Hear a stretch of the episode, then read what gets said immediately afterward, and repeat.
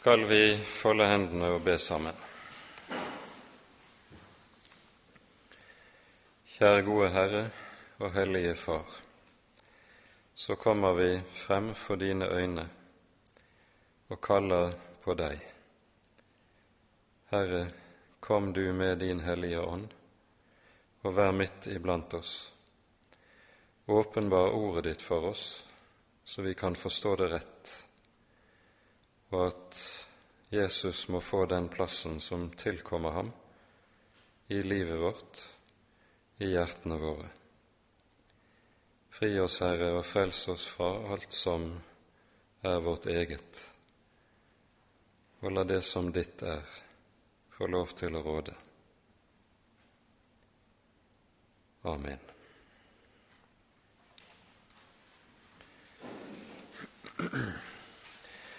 Nå er det fire uker siden sist vi var samlet om eh, romerbrevet. Ehm, og vi rakk vel egentlig ikke stort mer enn å gå gjennom første halvdelen av kapittel 15 på de to siste gjennomgangene av eh, dette avsnittet. Så vi leser i dag eh, hele avsnittet som går fra kapittel 15 eller fra vers 14 og ut kapittelet, selv om vi egentlig starter gjennomgangen i dag med vers 17. Men det kan være godt for sammenhengen sin skyld at vi begynner med det 14. verset. Mine brødre, for min del er jeg overbevist om at dere selv er fulle av godhet, fylt med all kunnskap og i stand til også å formane hverandre. Likevel har jeg til dels skrevet noe djervt til dere, for å påminne dere ved den nåde som er gitt meg av Gud, at jeg skal være Kristi Jesu offerprest for hedningene. Jeg gjør hellig tjeneste med Guds evangelium, for at hedningene kan bli et offer til behag for Gud helliget ved Den hellige ånd. Det er altså i Kristus Jesus jeg har min ros i tjenesten for Gud. For jeg vil ikke våge å tale om noe annet enn det som Kristus har utført gjennom meg for å føre hedningene til lydighet, ved ord og gjerning, ved kraften i tegn og under, ved Åndens kraft slik har jeg fullt ut kunngjort Kristi evangelium fra Jerusalem og rundt om like til i Lyria. Men jeg har satt min ære i å forkynne evangeliet der hvor Kristi navn ikke før var nevnt, for at jeg ikke skulle bygge på en grunnvoll som andre hadde lagt, men som det står skrevet:" De som ikke har fått budskap om ham, skal se, og de som ikke har hørt, skal forstå. På grunn av dette er jeg gang på gang blitt hindret fra å komme til dere. Men nå, når jeg ikke lenger har virkerom i disse traktene, og da jeg alt i mange år har lengtet etter å komme til dere, håper jeg å få se dere på gjennomreisen når jeg drar til Spania, og få følge av dere på reisen videre når jeg først har fått glede meg en tid over samværet med dere.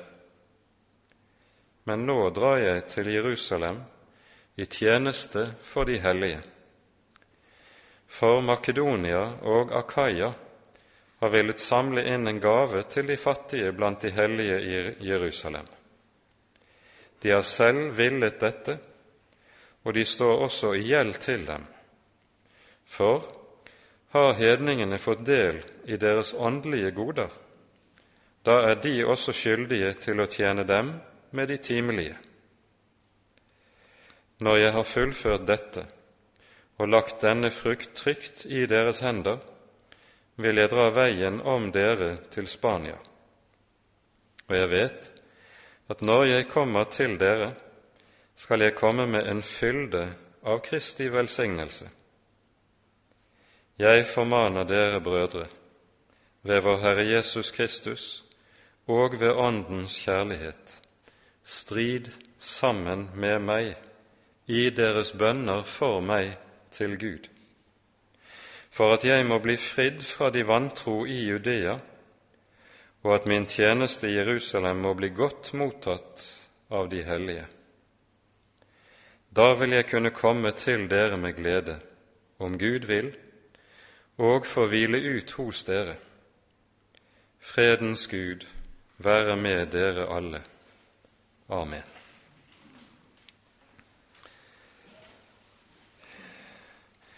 Og med det vi leser i vers 33, slutter det egentlige romerbrevet. Det som kommer i det 16. kapittel, det er i all hovedsak personlige hilsener, sånn at det budskapet som apostelen har til menigheten, det er han anser han seg i all hovedsak med å ha fått avlevert i og med det 15. kapittelet. Likevel er det også slik at det kommer flere viktige ting som dukker opp midt inne i de personlige hilsene i kapittel 16, som gjør at dette kapittelet også har meget stor betydning. Vi skal ta det for oss neste gang. Når vi i dag, som nevnt, altså begynner den egentlige gjennomgang med vers 17, så hører vi at apostelen her sier det er altså i Kristus Jesus jeg har min ros i tjenesten for Gud. Han har i de tre foregående versene nettopp talt om sin tjeneste og hva denne dreier seg om, og hva denne tjenesten ikke minst skjer i kraft av. Og så understrekes det altså, som vi hører, det er i Kristus Jesus jeg har min ros i tjenesten. Og Dette er en uttrykksmåte som er meget viktig å være klar over. Det er jo en allmenn sannhet i Guds ord at det troende menneske skal få lov til å rose seg i Herren. Vi leser f.eks. på slutten av det første kapittelet i første Korinterbrev, eh, sånn i vers 30 og vers 31, altså de to siste versene i dette kapittelet.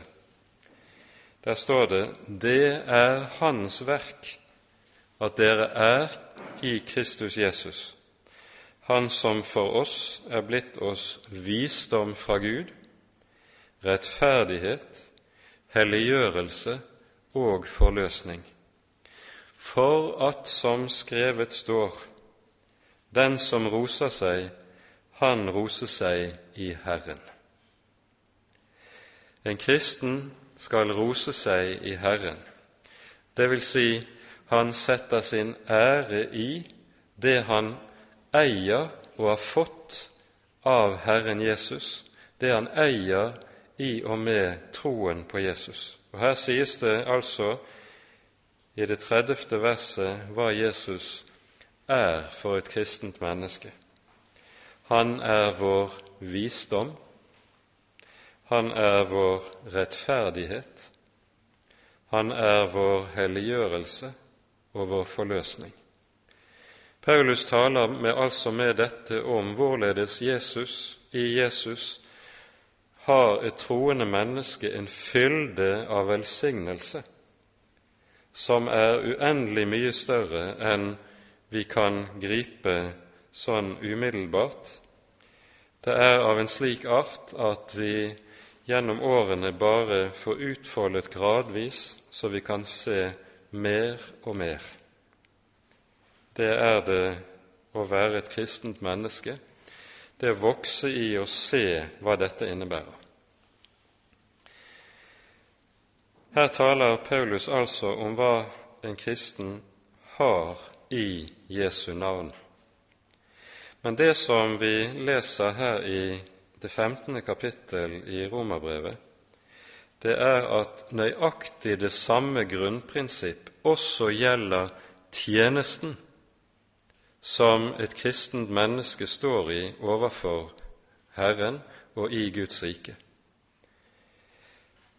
Han har sin ros i Kristus Jesus også når det gjelder tjenesten.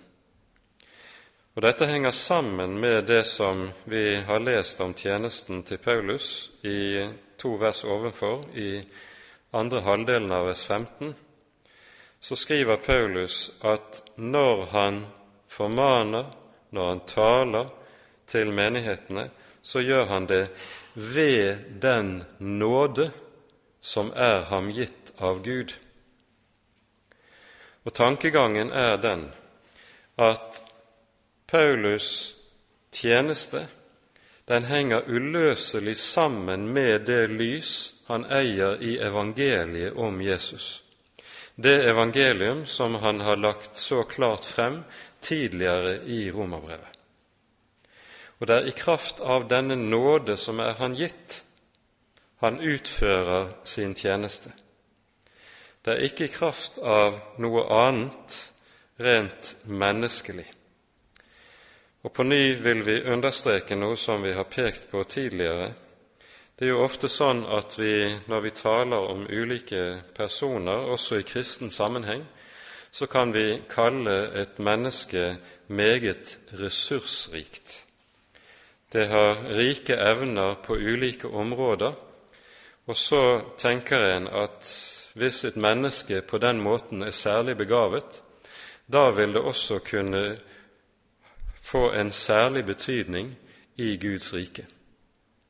Det er ikke tilfellet, og det er viktig å være klar over. Paulus var en meget begavet mann, langt utover det som er vanlig når det gjelder de aller fleste.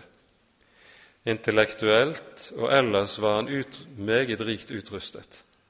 Men det gjorde ham ikke skikket for tjenesten i Guds rike. Det er bare én ting som i reelt gjør et menneske skikket til tjenesten i Guds rike, og det er for del i evangeliet, for lys i evangeliet på en slik måte at evangeliet, budskapet om Herren Jesus, ordet om korset, blir det som blir den styrende makt i et menneskes liv og i et menneskes hjerte. Og Derfor kan Paulus altså si:" Ved den nåde som er meg gitt, er det jeg formaner, er det jeg forkynner. Paulus har talt om, og vi har vært inne på dette tidligere i forbindelse med kapittel 12. Her når Paulus taler om nådegavene i menigheten, så sier han først om for sin egen del i vers 3.: Ved den nåde som er meg gitt, sier jeg til hver og en blant dere at en ikke bør tenke høyere tanker enn en bør. Altså, vi hører Paulus sier uttrykkelig at han formaner ved den nåde som er ham gitt. Og I det sjette verset i samme kapittel legger han til, og da taler han allment om nådegavene. Alt etter den nåde som er oss gitt, har vi ulike nådegaver. Poenget er altså, som vi har pekt på tidligere, de ulike nådegaver, det er nådevirkninger. Det er virkninger av at et menneske har fått lys i evangeliet. Nådegaver er ikke noe som kommer gjennom en særlig kraftmeddelelse dettende ned på, fra himmelen, som gjør at mennesker får en særlig kraftfølelse over seg. Nådegavene er en virkning av nåden, av evangeliet. Og I samme grad som et menneske har lys i evangeliet, så vil det også vokse frem nådegaver på det ene eller på det annet området. I denne sammenheng kan vi trygt også minne om Jesu ord i eh, Matteusevangeliets tiende kapittel, for intet har dere fått det, for intet skal dere gi det. Det er bare den som har fått for intet, som også kan gi for intet. Det å gi for intet, det er noe vi mennesker kan synes er meget, meget svært, meget vanskelig. Men det henger alltid sammen med og er en frukt av at en har fått forintet. Jo vanskeligere en, er, en synes det er å gi forintet, det henger sammen med at en har sett desto mindre av hva det er å få forintet. Det henger uløselig sammen, disse tingene.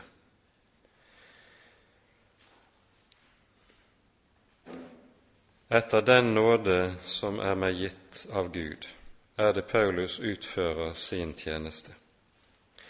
Og Dette lærer oss også meget tydelig at Paulus' tjeneste ikke er noe han har tiltatt seg ut fra eget initiativ, egen drift, egen lyst.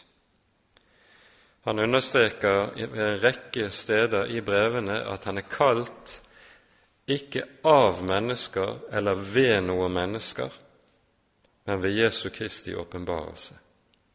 Det er ved den nåde som er han gitt, han utfører sin tjeneste. Og det er dette som også gjør at han har den autoritet i sin tjeneste som han har.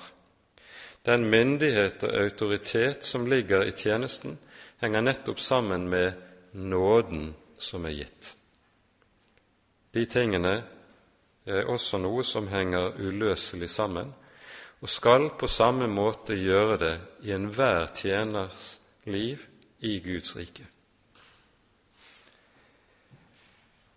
Vi rekker ikke å gå inn på det i denne sammenheng, men jeg vil bare peke på at det som Paulus her taler om, det er egentlig en meget enkel og kort sammenfatning av Jesu lignelse om talentene i Matteusevangeliets 25. kapittel. Talentene, det er ikke menneskelige naturgaver og evner, sånn som en ofte utlegger denne teksten, men det er Jesu evangelium som gis. Noen har fått større, noen har fått mindre lys. En får ti, en får fem talenter osv. Spørsmålet er hvordan en tar vare på dette evangelium som en har fått, og om det gis videre. Paulus taler altså om en nådevirkning i hans liv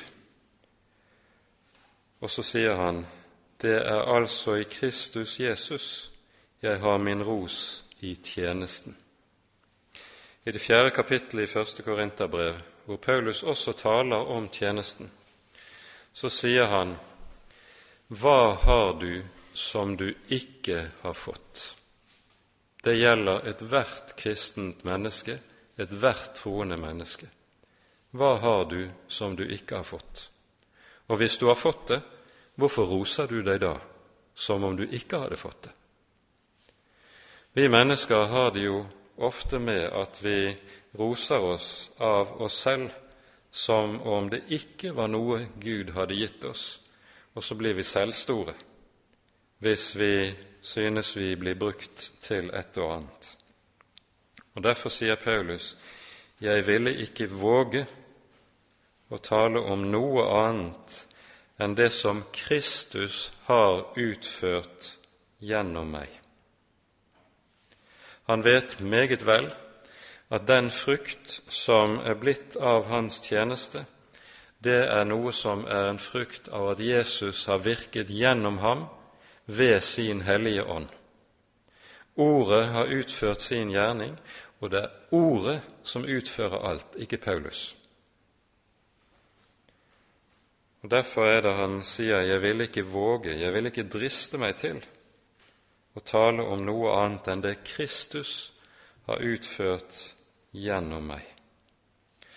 Den samme tanken møter vi også i apostlenes gjerninger i det 15. kapittel, da hører vi at Paulus vender tilbake til Jerusalem etter sin første misjonsreise og forteller om hvorledes hedningene har begynt å ta imot evangeliet.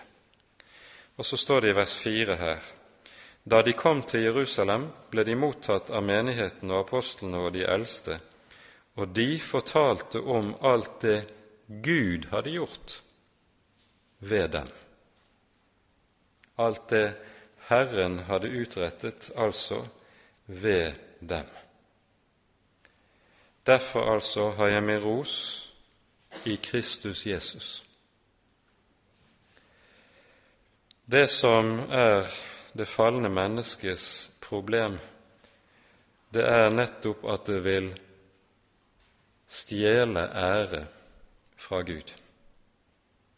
Og vi kan være ganske utkrøpne i nettopp denne trang til å stjele ære fra Gud, opphøye oss som om det var oss som hadde gjort og virket det som det er tale om i tjenesten.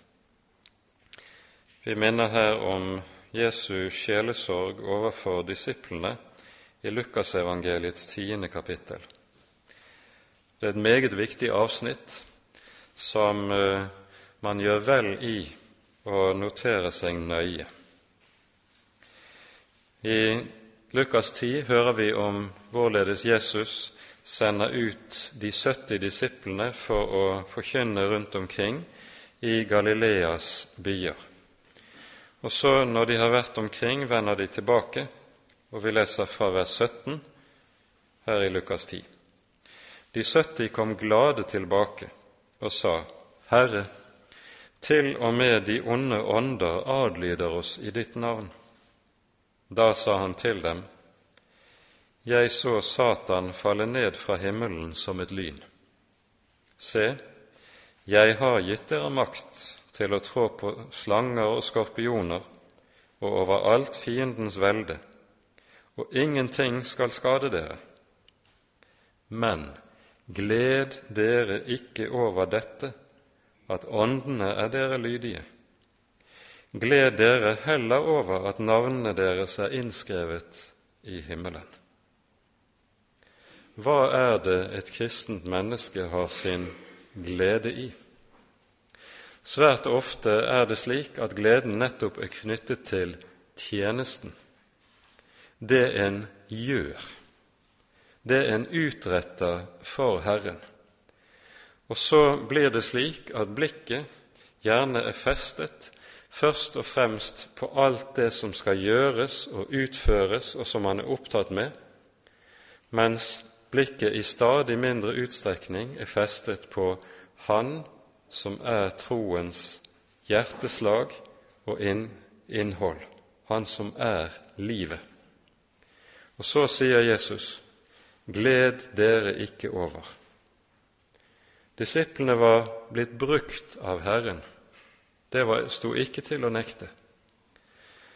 Men en kristen skal ikke glede seg over sin brukbarhet for Gud, men han skal glede seg i Jesus selv, og i hva han eier i Jesus. Hvor er det jeg har min glede? Hva er det jeg har min ros i? er det vi som legges frem for oss med dette. Vi kan også merke oss forbildet som gis oss når det gjelder døperen Johannes, når de skriftlærde sender en delegasjon til ham, sånn som vi leser det i Johannesevangeliets første kapittel, for å spørre hvem er du, hva sier du om deg selv? Så sier han Først nekter han jo. Han er ikke Messias, han er ikke Elias, han er ikke profeten, osv. Ja, men hva sier du om deg selv? Og så sier han, Jeg er en røst som roper i ørkenen. Hva er røsten? Røsten er redskap for ord. Og slik anså, anså døperen Johannes seg. Han var intet annet enn redskap for det ord Gud ville ha båret frem. Og nettopp slik er det Herrens tjenere også skal lære å se på seg selv. De er redskaper for Guds eget ord. Jeg er en røst. Og Derfor er det ikke slik at jeg skal bruke ordet som redskap i min tjeneste, men tvert om slik at ordet skal bruke meg som sitt redskap. Det gjelder alltid om dem som er satt til å ha ansvar for ordets forkynnelse. Jeg er en røst, og røsten er et slikt redskap. Og så det, skjønner vi hva Paulus mener når han taler som han gjør. Min ros har jeg i Kristus Jesus. For det er Jesus som virker gjennom ham i det ordet gjør sin gjerning overalt hvor det får lov til å lyde. La oss her bare minne om hva som står i 1. Tessalonikerbrevs 2. kapittel, der eh, Paulus peker på hvorledes Guds ord kom til å gjøre sin gjerning i byen Tessaloniki. Han sier i Tessalonikerbrevet kapittel 2 vers 13.: Derfor takker vi også alltid Gud for dette, da dere fikk det ord vi forkynte, tok dere imot det ikke som et menneskeord, men som det det i sannhet er, som et Guds ord som virker med kraft i dere som tror. Slik tok de imot budskapet som lød. Var et ord, et budskap, som hadde en bestemt virkekraft i seg, og slik er det at ordet utfører sin gjerning. Derfor hører vi også at det står om i apostelgjerningene 19 og flere andre steder også i apostlenes gjerninger. I apostelgjerningene 19 hører vi om Paulus virke i Korint. Og det er jo fra Korint at romerbrevet ble skrevet. Så står det der at Herrens ord utbredte seg og fikk makt. Det er det som skjer. Der evangeliet får gjøre sin gjerning, så er det Guds ord som får makt i hjertene, og derigjennom så dannes der menigheter.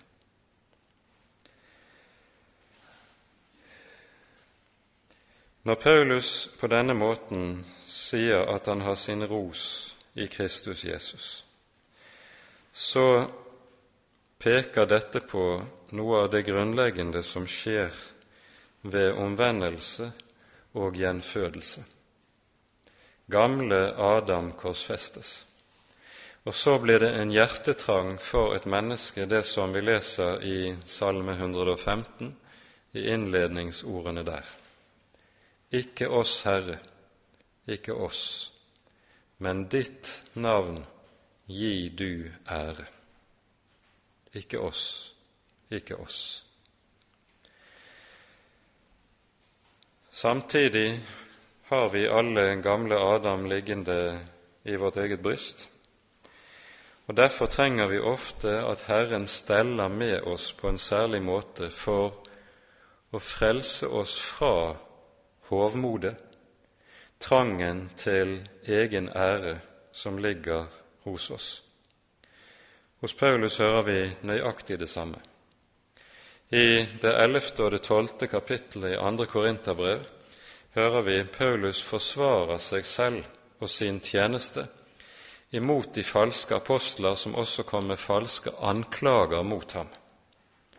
Så tvinges han til Han gjør det meget motvillig, forstår vi, men han tvinges til en sort selvforsvar som egentlig ikke handler om å berge sin egen ære, men det er nødvendig å forsvare seg selv på grunn av at apostelembetet og aposteltjenesten med det ikke skal lide skade.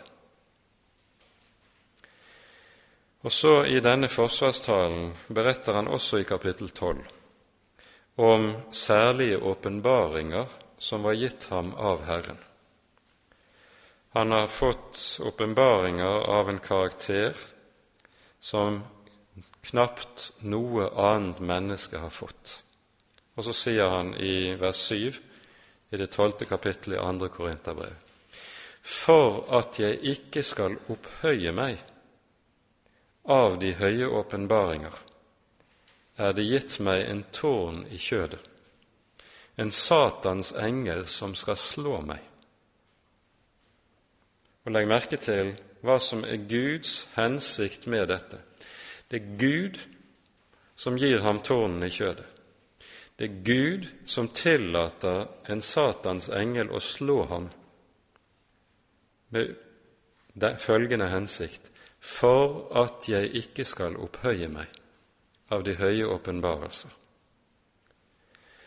Og var faren for selvopphøyelse noe som lå Paulus nær, slik at Herren må stelle med ham på en særlig måte for å redde ham fra dette, så trenger sannelig du og jeg også vern mot dette. Og Herrens særlige omsorg for at det kan få lov til å være sant, det som sies her i det 17. verset.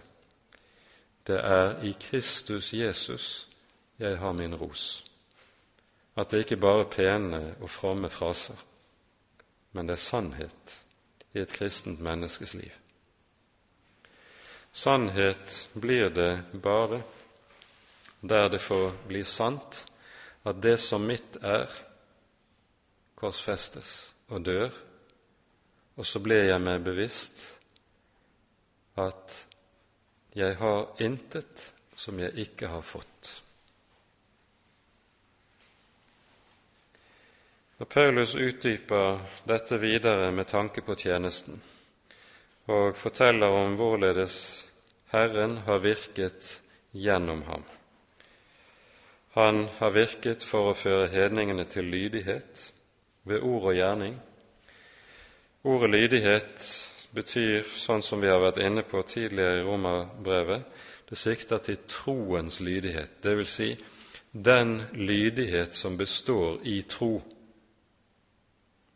det å tro på Jesus, det er i, i Paulus språkbruk den grunnleggende lydighet.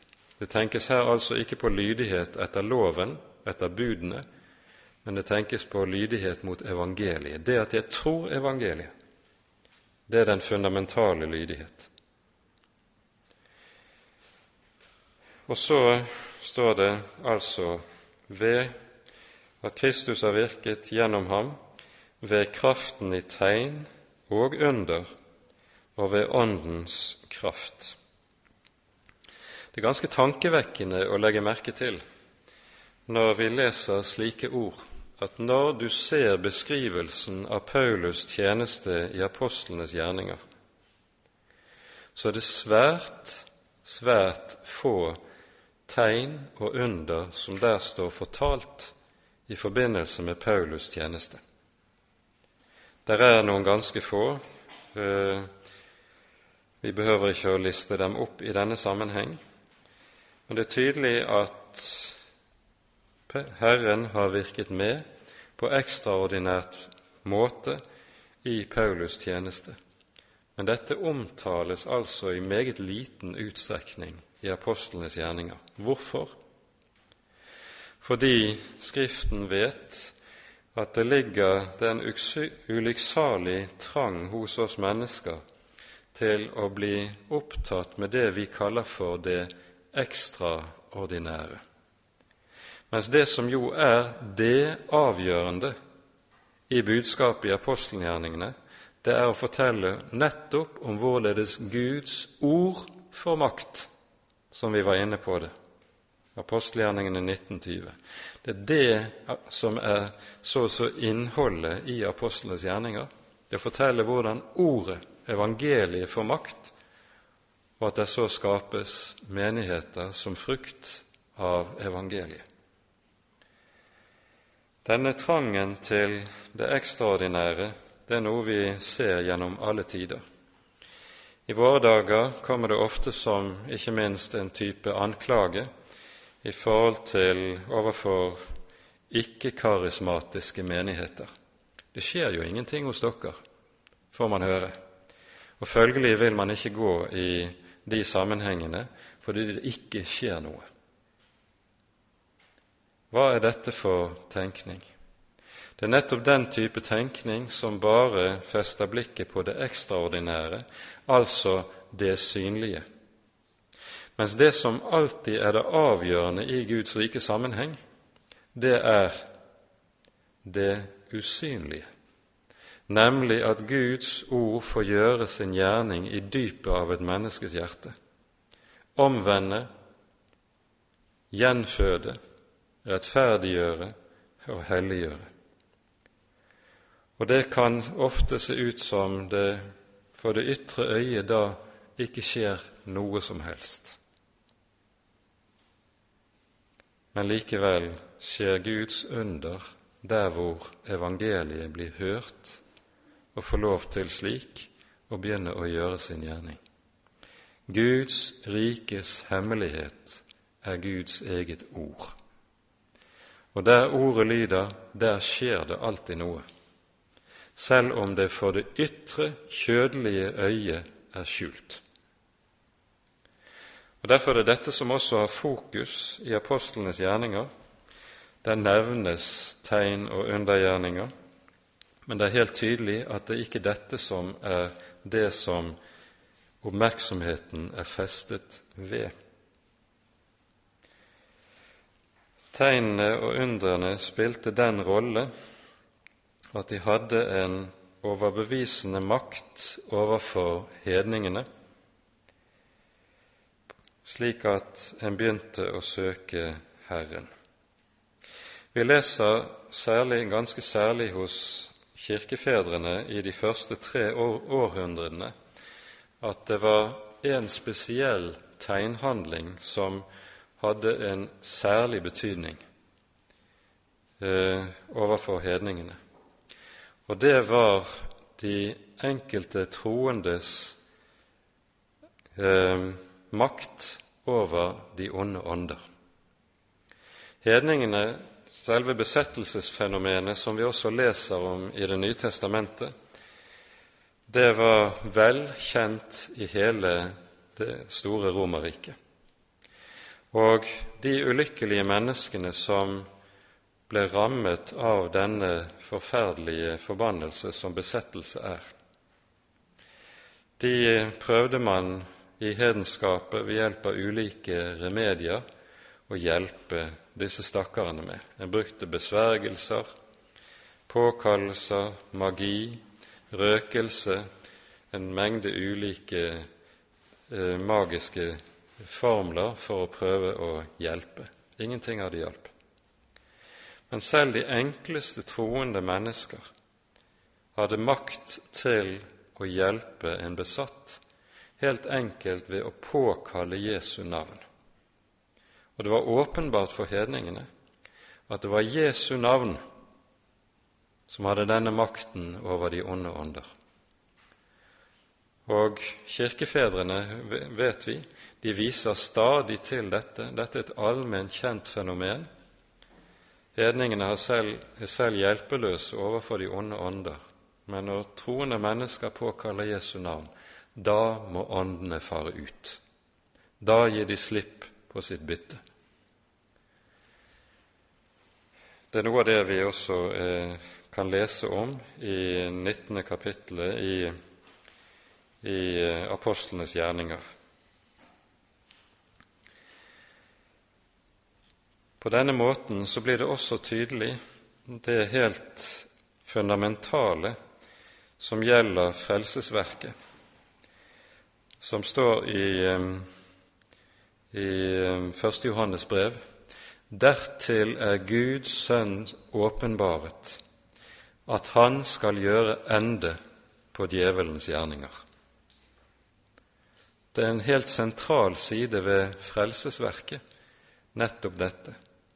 Og Derfor sies det også i eh, Kolossabrevet i det andre kapittelet at Jesus viste seg som seierherre over maktene og myndighetene Han avvæpnet dem og stilte dem åpenlyst til skue idet han viste seg som seierherre over dem på korset, sies det.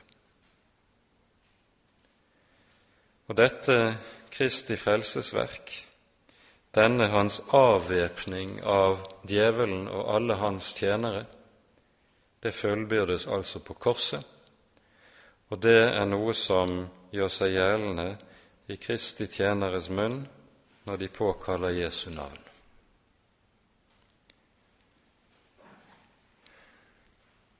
Og så kan Paulus tale om i vers 19 hvorledes han nå har fullført tjenesten med Kristi evangelium fra Jerusalem av og like til Illyria. Ehm, det han mener med dette, det beskrives nærmere i det neste verset, i det tyvende verset. Han setter nemlig sin ære i å forkynne evangeliet der hvor det ikke tidligere har lydd. Og nå, når Paulus er kommet dit hvor han er nå, så har det lydd i hele lille Asia og allerede inn i Europa, i Grekenland, i Makedonia, i Akaya, og det sies like til i Lyria. Illyria lå ved eh, Det var det gamle navnet på den delen av Balkan som ligger ut mot Adriaterhavskysten, eh, området fra Albania og nordover langs Adriaterhavskysten. Vi hører ikke i apostlenes gjerninger om at Paulus besøkte disse områdene, noe som viser oss meget tydelig at apostelgjerningene slett ikke gir en fullstendig beskrivelse av Paulus' reisevirksomhet. Her omtaler Paulus et helt landområde han, som han har besøkt, og som altså ikke omtales i apostelgjerningene. Dette viser oss at apostelgjerningene kun tar med ganske nødtørftig eh, enkelte Eh, besøk i byer for å gi oss en tråd i hvordan evangeliet går frem i den da kjente verden. Når Paulus sier han har fullført tjenesten med evangeliet i disse områdene, så betyr det at nå er evangeliet kjent i alle disse områder. Det er plantet menigheter rundt om i byene. Og fra byene så lyder evangeliet ut i distriktene som ligger omkring, for evangeliet er virkekraftig. Og Derfor trenger ikke Paulus lenger å reise i disse områdene. Han sier det er ikke mer Han har ikke lenger virkerom. Nå er det nye områder som ligger foran ham, parentes legger vi også merke til det som sies i vers 21. Her peker Paulus på et bestemt bibelord i Det gamle testamentet som nærmest har fungert som valgspråk for ham i hans tjeneste med evangeliet. Og Her er det jo gjerne sånn dette er noe som alle troende har erfaring for på en eller annen måte at du kan møtes av et enkelt ord i Skriften på en sånn måte at du skjønner at dette ordet, det gjelder akkurat meg i den situasjonen jeg er i, i den gjerning jeg står i. Og Det er tydelig at slik Paulus siterer dette ordet fra Jesaja 52, så har dette blitt et ord som har kommet til å bli skjellsettende for han med tanke på hans egen tjeneste som apostel.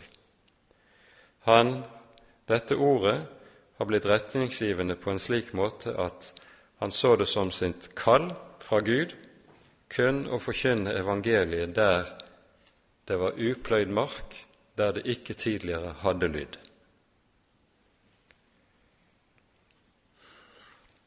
Når Paulus så, så å si setter sluttstrek for sin gjerning i disse landområdene, så begynner han fra vers 22 av å snakke om sine videre planer.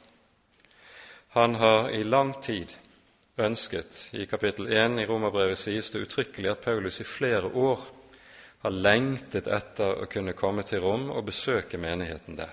Men han er blitt forhindret, nemlig av den gjerning han har stått i. Men nå, nå håper han å kunne besøke menigheten. Hans videre planer består i at han ønsker å besøke Spania for å forkynne evangeliet der. Og så vil han da komme til Rom etter først å ha gjestet Jerusalem. Vi leser fra vers 25. Nå drar jeg til Jerusalem i tjenesten for de hellige. For Makedonia og Akaya har villet samle inn en gave til de fattige blant de hellige i Jerusalem. De har selv villet dette, og de står også i gjeld til dem. For har hedningene fått del i deres åndelige goder, da er de også skyldige til å tjene dem med det timelige. Vi leser i slutten av det 19. kapittelet i apostelgjerningene hvorledes Paulus eh, vender så å si nesen mot Jerusalem. Før han drar, bryter opp fra Korint, som jo ligger i Grekenland, i Akaya, denne store halvøyen syd i Grekenland, reiser gjennom Makedonia og inn i Lille-Asia, besøker bl.a., som vi leser i det 20. kapittel, de eldste i Efesos og feirer påskehøytiden i nærheten av Efesos. Og så ønsker han å kunne nå til Jerusalem innen pinsehøytiden, som er 50 dager senere. Og Det som er hans ærend, det er at menighetene i Grekenland, altså i Makedonia, som er det nordlige Grekenland, og Akaya, det sydlige delen av Grekenland, de har hatt en større innsamling med tanke på de fattige i menigheten i Jerusalem. Paulus reiser da til Jerusalem, ledsaget av representanter for menighetene som er samlet inn. Og Han sier uttrykkelig om dette i 2. Korinterbrev, hvor han omtaler dette mer utførlig, at det er nødvendig at det er mange ledsagere med for at det ikke skal gis anledning til at tjenesten lastes. Det vil si, ingen skal kunne komme med eh, noen mistanke om at her har det skjedd uryddigheter når det gjelder økonomien og pengene som har vært samlet inn. Og Derfor er det mange som er sammen om det.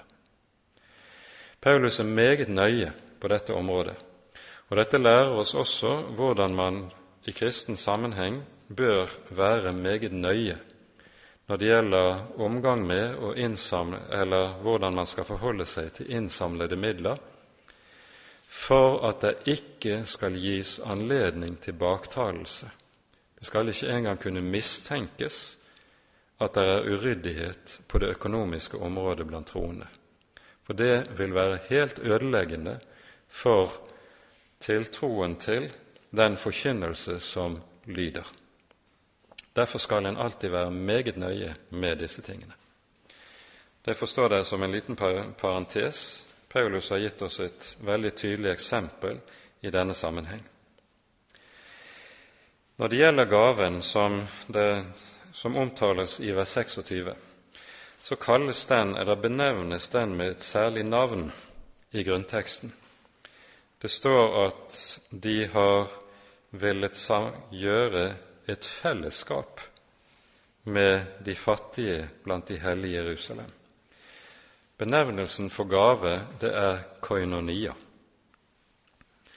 Og poenget er jo, vi skjønner det, poenget med dette, å bruke dette ordet, det er at ved å gi en slik gave, så er denne gaven også uttrykk for et dypt åndsfellesskap mellom de hedningekristne og de jødekristne, som er modermenigheten i Jerusalem. Og slik skal man alltid tenke om gaver i kristen sammenheng. De er uttrykk for dette fellesskap. I vers 27 sies det de har selv villet dette. Og Her bruker grunnteksten et mye sterkere uttrykk. De har selv ønsket dette. De har selv hatt sin glede i å kunne gjøre dette, kunne vi godt oversette det. Og Med det så pekes det på en viktig sak når det gjelder den kristne givertjeneste, som vi bare ganske kort skal peke på.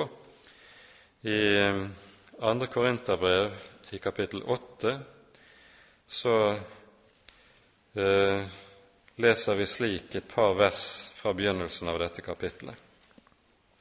Brødre, nå vil vi fortelle dere om den nåde Gud har gitt menighetene i Makedonia.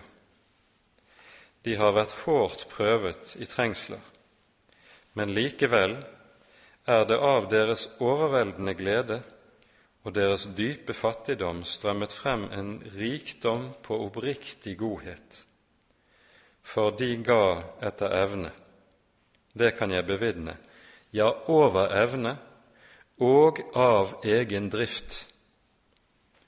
De ba oss inntrengende om den nåde å få være med i fellesskapet i tjenesten for de hellige. Her er det altså ikke sånn at det er noen som står om å mase på dem for å få dem til å gi. Det behøvde ikke holdes lange kollekttaler i denne sammenheng.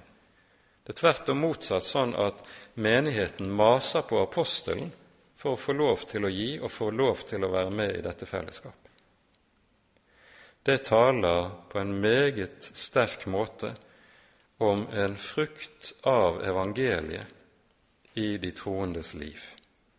Og Derfor står det også videre i det femte verset i samme kapitlet og de ga ikke bare slik vi hadde håpet, men de ga seg selv først. Først til Herren, og så til oss ved Guds vilje.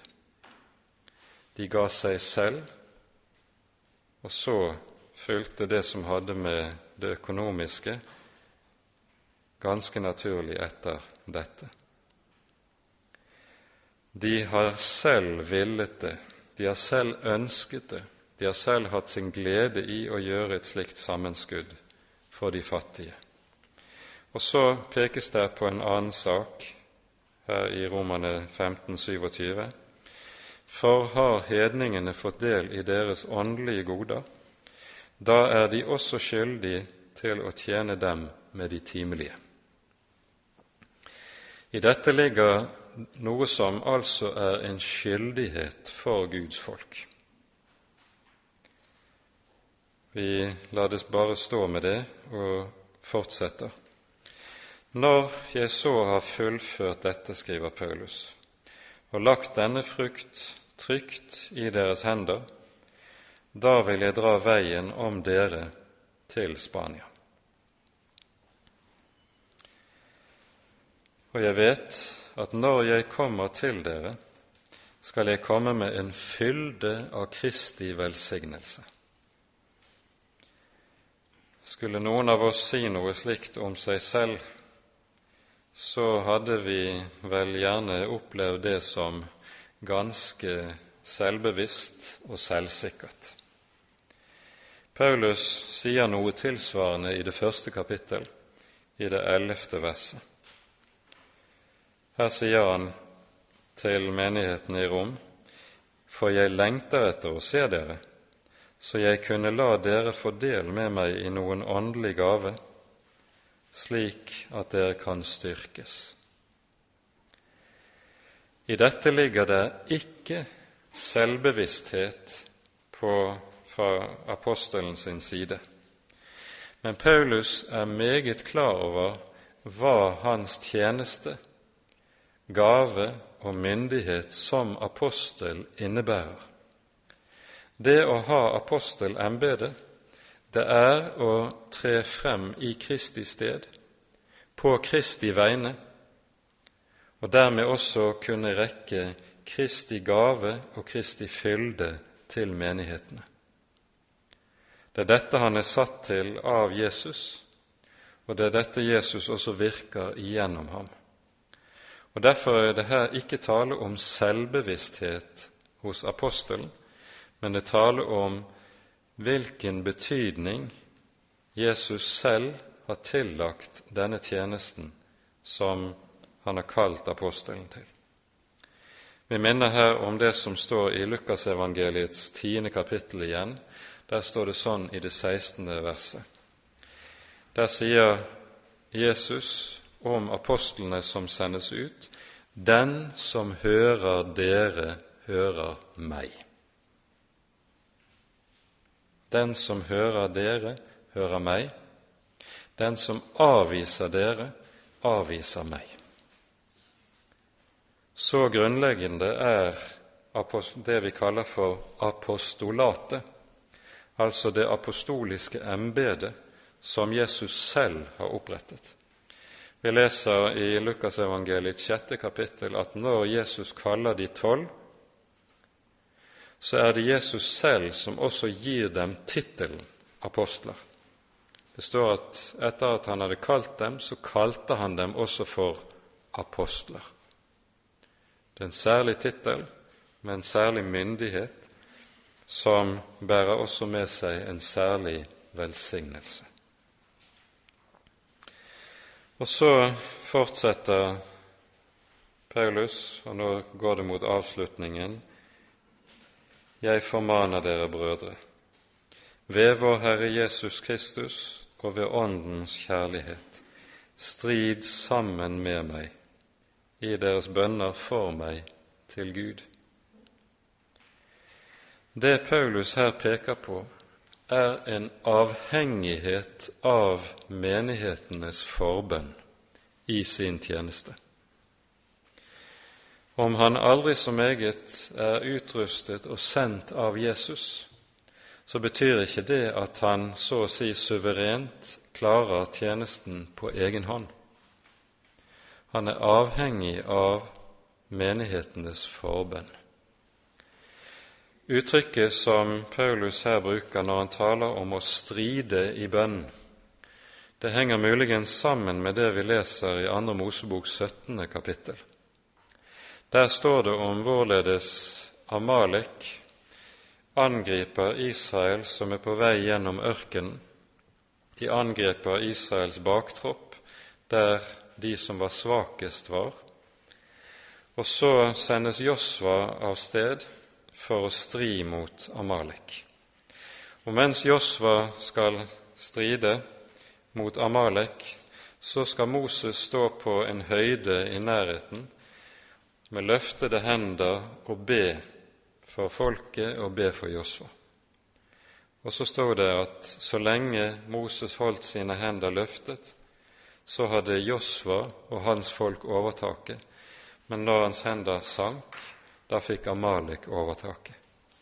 Og Derfor får Moses to med seg til å hjelpe seg med å holde hendene oppe på en slik måte at Josva også seirer til slutt. I dette ligger det et meget talende bilde på hvilken strid det er tale om det er en åndelig strid der vi trenger noen som så å si holder hendene våre oppe, hjelper oss så hendene våre ikke synker, og motløshet blir resultatet. Denne avhengigheten av menighetenes forbønn det møter vi i flere sammenhenger i brevene. Kanskje vi bare her skal peke på det vi hører i Efeserbrevets sjette kapittel, der det taler om Guds fulle rustning. Og Da sies det i forbindelse med talen om rustningen eh, helt til slutt Be til enhver tid i Ånden. Med all bønn og påkallelse, vær årvåkne i dette, med all utholdenhet i bønn for alle de hellige. Og be også for meg, at det må bli gitt meg ord når jeg åpner min munn, så jeg med frimodighet kan kunngjøre evangeliets mysterium. Paulus visste seg avhengig av Jesus. Han måtte bli gitt ordene. Det var ikke noe han bare suverent behersket. Det måtte gis ham. Og dette at det måtte gis ham, til det trengte han også at det var noen som ba. Og kjære venner, slik er det alltid i Guds rike, også i dag. Derfor er de som er satt til å bære frem Guds ord, de er fortsatt avhengig av at menighetene ber for dem. Ber du for din prest, din eldste, eller hvordan er det?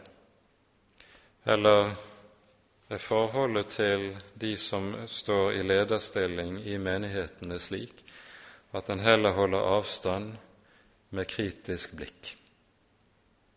Er det noen som trenger forbønn, så er det nettopp de. Og når Paulus bruker uttrykket her 'strid sammen med meg' i deres bønner, så er det ikke tilfeldig at han bruker ordet strid. Fordi i Åndens verden er det sannelig tale om en strid, der ingen av oss klarer oss på egen hånd, men vi er avhengig av hverandre, avhengig av at vi står som et fellesskap hos Herren, og der bønnen for hverandre er avgjørende. Paulus gir denne påminnelsen et særlig ettertrykk ved at han sier, som vi hører det, Jeg formaner dere ved vår Herre Jesus Kristus og ved Åndens kjærlighet. Og Dette ettertrykket er uhyre tungt i denne sammenheng. Og så hører vi også hva han ber om. Han vet at når han nå reiser opp til Jerusalem, så det er en reise som bærer på store farer og vansker.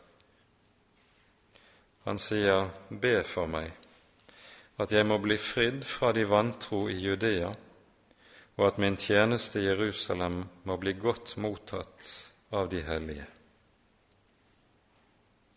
Han trengte en særlig forbønn med tanke på det. Nå vet vi hvordan dette gikk. Når Paulus kommer til Jerusalem, varer det ikke svært lenge før han nettopp angripes av de meget nidkjære fiender av evangeliet i hans eget folk. Og så reddes han med nød og neppe av den romerske stattholderen i Jerusalem, og må så tilbringe hele to år i fengsel i Cesarea før han innanker sin sak for keiseren. Som romersk borger hadde han denne rettigheten. Og så sendes han til Rom for å få avgjort sin sak der. Paulus kommer altså til Rom slik som han har tenkt. Men han kommer på en ganske annen måte enn han hadde trodd. Han kommer i lenker. Men apostlenes gjerninger slutter med beretningen om hvorledes Paulus blir to år i fangenskap i Roma, og han får lov til å være fri, han tar imot besøk, forkynner evangeliet og har tydelig en rik virksomhet også i Roma men det tar to år også i fangenskap der. Kirkefedrene kan fortelle at Paulus ble løslatt fra dette sitt første fangenskap, og også kommer til Spania. Og det er først når han igjen to-tre år senere kommer til Roma, han blir fengslet på ny under keiser Nero, og da lider martyrdøden i år 67. Men om dette vet Det nye testamentet altså ingenting. Apostlenes gjerninger er avsluttet før Paulus reiste til Spania, tydeligvis. og også alle brevene som vi har fra Paulus hånd, er avsluttet før reisen til Spania. Det er fra kirkefedrene vi vet glimtvis bare litt om Paulus' videre virke. Og så sier han altså til slutt da vil jeg kunne komme til dere med glede, om Gud vil, og få hvile ut hos dere. Fredens Gud være med dere alle. To og et halvt år senere kommer Paulus til Roma. Det ligger lang, et langt fangenskap og en farefull reise på sjøen over Middelhavet bak. Og det står i apostelgjerningene 28, vers 15. De troende har fått høre om at Paulus er kommet, og når han transporteres inn mot Roma, så går mange fra menigheten i Rom ut for å møte ham, og de møter ham ved Tress Taberne, som ligger litt utenfor Roma, ned mot kysten. Og så står det om Paulus da han så de troende, fattet han mot. Det er altså slik at selv den såre store apostel trengte dette fellesskapet med andre troende han var ikke større enn at han trengte denne oppmuntring av å få møte de troende og smake noe av det fellesskapet. Da vil jeg kunne komme til dere med glede, sier han. Det er noe av den gleden som ånder nettopp i at han får møte de troende på denne måten. Og så kan han løfte sitt hode i trengsel, kan gjøre som vi hører i, når han sitter i fengselet i Filippi i apostelgjerningene 16, da det var midt på natten, sang de lovsanger. Og så kan det lyde nettopp inn i fengsel og i trengsel Fredens Gud være med dere alle. Jesus sier og avslutter sin store avskjedstale til disiplene, som vi leser om i Johannesevangeliet, slik Dette har jeg talt til dere mens jeg var i verden. I verden har dere trengsel, men vær frimodige. Jeg har overvunnet verden. Og det er på det grunnlag at apostelen også kan si i møte med alt dette som han står oppe i, i møte med også det som han visste at menigheten i Rom ville måtte gå igjennom. Fredens Gud være med dere alle. For vi er hos Ham som har overvunnet verden. Ære være Faderen og Sønnen og Den hellige ånd, som var og er og være skal en sann Gud, høylovet i evighet. Amen.